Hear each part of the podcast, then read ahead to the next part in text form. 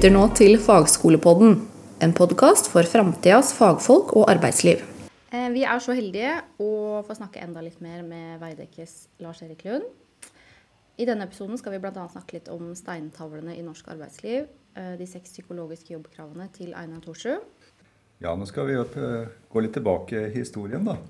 Det er jo den nordiske modellen og det måten å jobber på som vi har skapt verdier på i Norge, den er jo annerledes enn en del andre land. Og så er det i 1969 så kom det ei eh, bok som heter 'Mot en ny bedriftsorganisasjon'. Og av mange så blir den regna som eh, en god kilde da, for å forstå de kultur og normene som kanskje fortsatt preger, mm. preger norsk arbeidsliv. Og så oppsummerer den også grunnlaget for arbeidsmiljøloven og det er den også som er kilden til de seks psykologiske jobbkravene som faktisk står formulert i, i arbeidsmiljøloven. Steintavlen i norsk arbeidsliv er det mange som kaller det, som Elise brukte innledningsvis. Så vi tenkte vi skulle løfte fram mm. det han har uh, funnet ut av. og så må vi se er det han har snakka om, er det fortsatt relevant mm. i forhold til arbeidslivet i 2022. Så da er det det første psykologiske jobbkravet da, som han var opptatt av, det var uh, variasjon. Mm. Og det er jo behovet for innhold i jobben som fordrer noe mer enn utholdenhet. Ja, altså det, det, det, jeg, jeg, tror også, jeg, tror han har rett i det. Jeg tror at det, er viktig for alle å se at man har, kan gjøre varierte arbeidsoppgaver. hvis vi går ned på det temaet. Men jeg tror også at vi som virksomheter ofte er veldig opptatt av spesialisering og standardisering. altså Prøve å sette oss ned og se hvordan kan vi effektivt sett gjøre denne operasjonen raskere og raskere hvis vi faktisk har byttet ut mennesker til å gjøre denne jobben hele tiden. Eh, men men jeg, jeg, jeg, tror at for, for å, å, sikre at mennesker har en god opplevelse og opplever at arbeidssituasjonen er god, så, må, så er det nødt til å ha eh, variasjon. Det gjelder jo alle. Altså faktisk se på at man kan gjøre andre ting, eller, eller, eller ha variasjon i arbeidsdagen. Går vi over på det andre som han uh, sier, at psykologisk oppdrag, det er læring. Mm. At du har behov for å lære noe i jobben, og fortsatt, fortsette å lære noe. Ja, altså vi, vi, vi, skiller oss fra noen andre biologiske liksom, arter her i verden med at vi har en ekstremt stor hjerne. Eh, og den Vi benytter liksom 10 av den til, til daglig.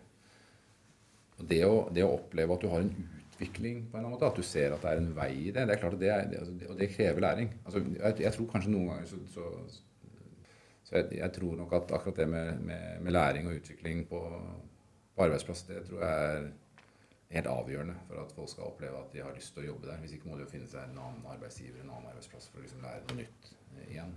Mm. Um, det, og det tror jeg er evigvarende. Altså hele livet. Hele arbeidslivet. Vi kan ikke stagnere. Liksom. Vi er nødt til å liksom bevege oss videre. Altså, vår jobb er jo i større grad å sørge for at de medarbeiderne vi har, som vi har ansatt fordi de, de dekker noe vi kan, får gjort jobben sin på best mulig måte. Hvordan kan vi sikre at de gjør det, og hvordan kan vi ha en utviklingsløp i deres karrierevei. Da. Men akkurat det med, med, læring tror jeg er, er essensielt. Jeg tror de aller fleste kan ta på seg større oppgaver hele tiden. Og, eh, og viktigere oppgaver. Fordi, det er liksom en del av, av, av livet. Da. Det er bra, takk. Er det tredje psykologiske jobbkravet det var det Thorsrud kalte for innflytelse.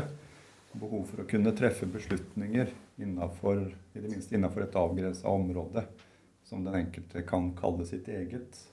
Ja, altså her, og dette her jo, går jo inn i motivasjonsteori òg. Altså hvis, hvis, du snakker om organisasjonspsykologer eh, verden over i forhold til hvilke, hvilke, ting er det som gjør at vi blir motivert for den jobben vi gjør, så er det klart at autonomi er viktig. Og det er jo det jeg opplever at du sier. Eh, det å, det å bli fortalt hvordan, ikke bare hva du skal gjøre, men hvordan du skal gjøre det, det er klart at det, det blir jo en, en, en annen form for rutinejobb. Eh, det å bli fortalt hva vi ønsker å oppnå, og høre med deg hvordan du selv ser at du kan ta beslutninger knyttet til hvordan det skal gjøres, og komme med forslag til, til endring på det, det er jo måten å liksom etablere den autonomien.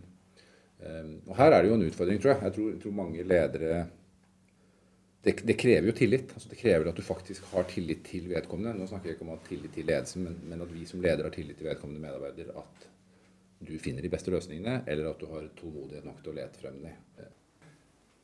Fjerde psykologiske jobbkravet anseelse. Behov for anseelse i det minste en viss grad av mellommenneskelig støtte og respekt på jobben. Altså det, at, det å bli sett, da.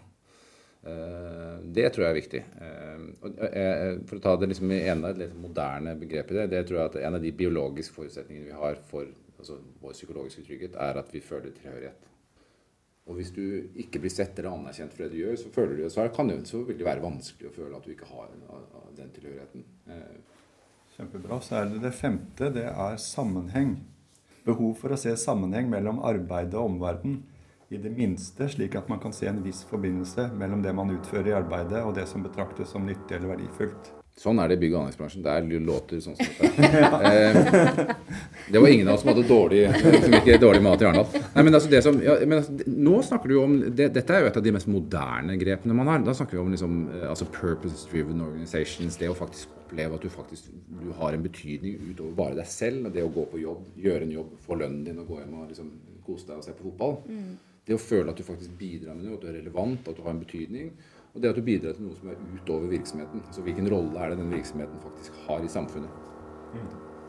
Så er det det sjette, da. Det er framtid. Behov for å se at jobben er forenlig med ønskeverdig framtid. Mm. Uten at det nødvendigvis innebærer avansement. det, det, det, det, er nok eh, vanskelig å komme utenfor at det er et relevant tema også i dag. Eh, og så kan vi jo snakke om Det jeg reflekterer over når du sier det, da, det er jo et annet tema egentlig som går inn, som vi, vi, er opptatt av om dagen, og det er dette som går på klimarisiko. Har dere hørt om det? Er, er, den forretningsmodellen dere driver, også liksom, kan den også, er den gjengs også i 2030? liksom? Eller er det sånn at vi må gjøre noen endringer i det? Men det, dette her er de temaene vi liksom trenger å diskutere når man diskuterer strategi eh, opp mot forretningsmodell som de skal da utvikle. Det er å begynne å tenke liksom, hva er det den skal løse. Ikke bare i dag, men i morgen og i overmorgen og fremtiden. Ja, nå har vi jo kikka på disse seks jobbkravene. Variasjon, læring, innflytelse, anseelse, sammenheng og framtid. Som Einar Thorsrud kom fram med sin visdom og basert på forskning i 1969. Og så har vi visjonen til Veidekke, verdiskapende samspill, verdiene preg.